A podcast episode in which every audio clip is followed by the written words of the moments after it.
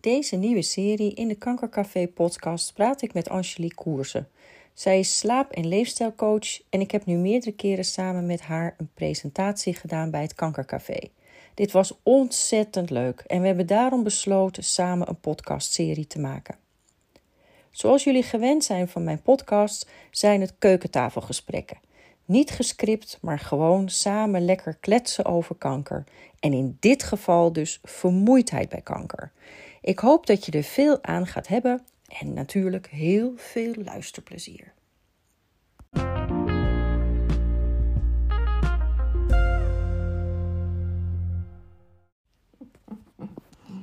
Hallo lieve luisteraars. Wat leuk dat jullie weer luisteren naar de podcast van Kankercafé. Um, nou, mij kennen jullie natuurlijk, Joanne. En ik wil jullie eigenlijk voorstellen aan iemand met wie ik drie keer uh, samen heb gepresenteerd in het Kankercafé. Um, Angelique Koersen. Hallo.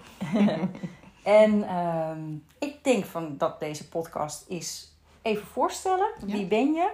Want jullie zullen er wel wat vaker gaan horen. En jullie horen straks wel waarom. Dus Angelique, stel je eens voor. Uh, ik ben Angelique Koersen. Ik ben werkzaam op het uh, slaapcentrum en daar begeleid ik patiënten met slaapproblematiek en ook uh, patiënten die slaaptherapie krijgen.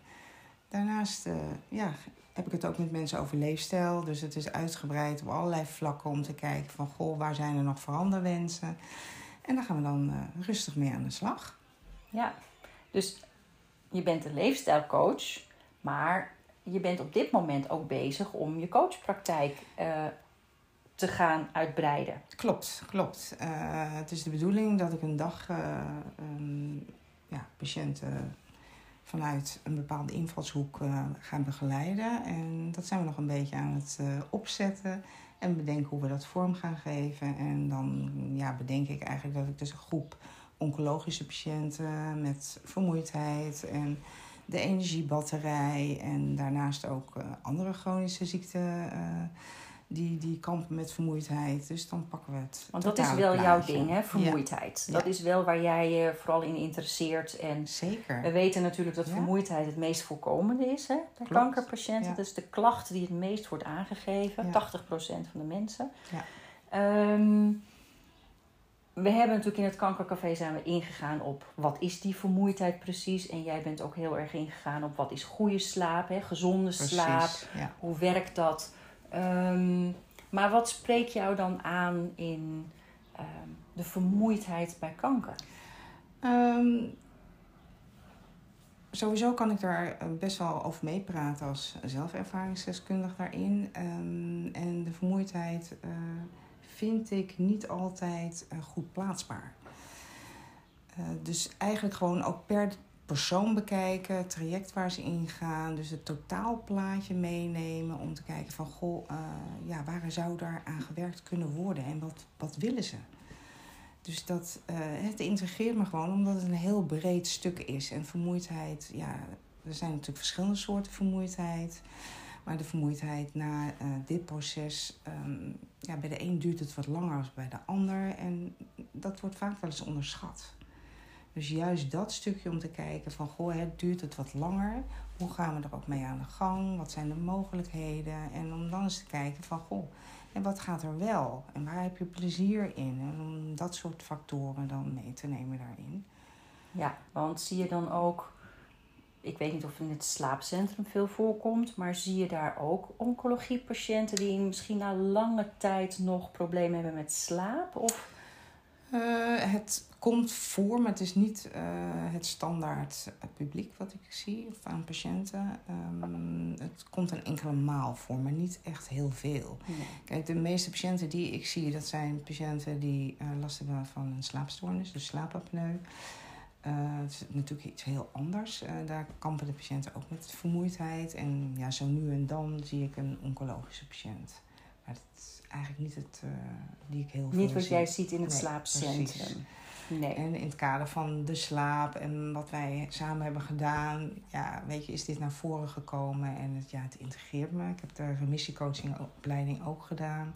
En dan Moet het wel even uitleggen wat dat yes, is. Yes, dat was ik al bang voor. Eh remissiecoach is eh, iemand die patiënten begeleidt eh, die eh, bestraling en chemoproces hebben gehad of hormoontherapieën. Waarbij vermoeidheid eh, een, een onderliggende factor is en waar je mee aan de gang gaat. Ja. Met coaching. Yes. Ja. Ja. ja. Want kijk, bij mij in de praktijk zijn we natuurlijk heel veel aan het coachen en de beweging aan het oppakken. Wat natuurlijk een hele grote factor is bij chronische vermoeidheid. Dat het zo belangrijk is om dat lichaamswerk te Mhm. gaan doen. En, ehm, maar wat, wat, wat ik zo mooi vond was...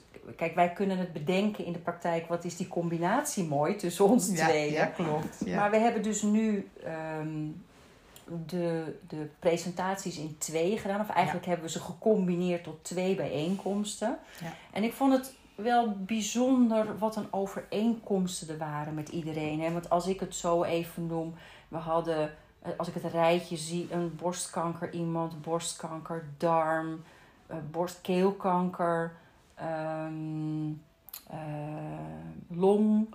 Dus er zaten eigenlijk allerlei, op dit moment waren het dan dames, met verschillende soorten kanker.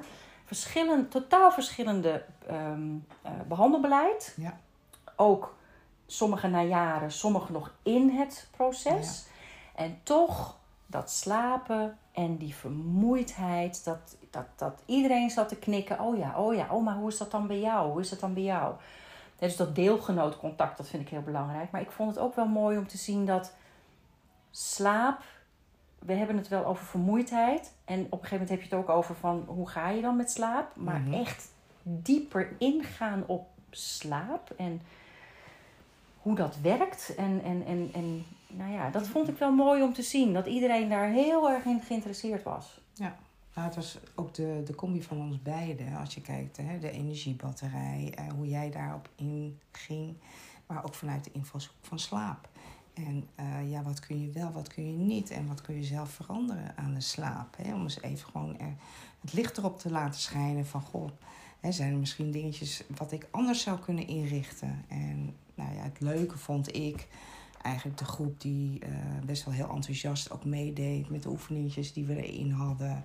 Hè, de ontspanning, eh, die uitleg van die energiebatterij. En ja, eh, het was heel herkenbaar. En dat is gewoon heel erg leuk en fijn. En dat, er, dat ze dus ook in de gaten krijgen van... Goh, ik ben niet de enige daarin. En die verbondenheid, dat, dat was gewoon heel erg mooi om Ja, te zien. precies. Ja. precies.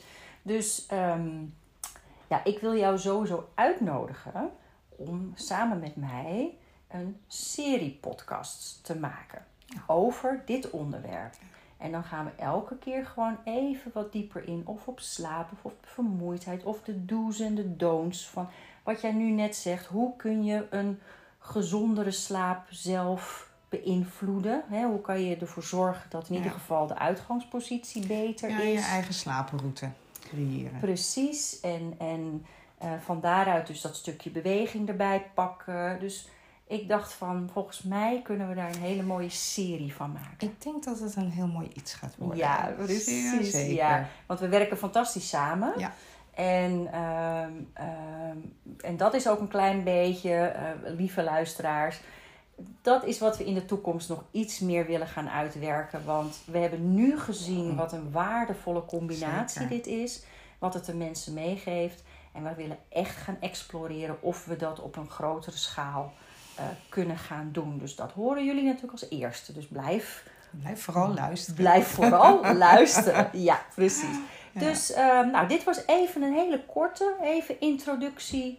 En ehm, jullie gaan dus meer van ons horen. Tot de Over volgende keer. Juist, tot de volgende keer. Doeg, doeg. Doei.